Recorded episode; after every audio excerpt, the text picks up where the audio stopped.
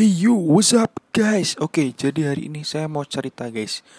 Uh, tadi pagi tuh saya rencana mau beli topi guys, karena rambut saya baru saja dibotak karena permintaan subscriber. Jadi saya harus membotak rambut saya dan akhirnya saya kurang pede guys. Akhirnya saya mau beli topi tekuk. Nah, ini topi tekuk ini mau beli di mana saya masih bingung karena saya mau cari harga yang paling murah. Nah, saya tuh pernah lihat di e-commerce harganya tuh cuma 8000 guys. Tapi saya mau nunggu promo dulu supaya tidak ada ongkirnya. Jadi gratis ongkir dan tetap 8000 saja.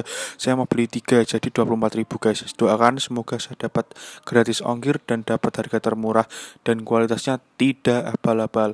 Oke oke. Semoga pasarannya sesuai dengan yang diantar. Amin ya rabbal alamin. Bismillahirrahmanirrahim. What's up? Jangan lupa saksikan podcast saya What's up? Peace.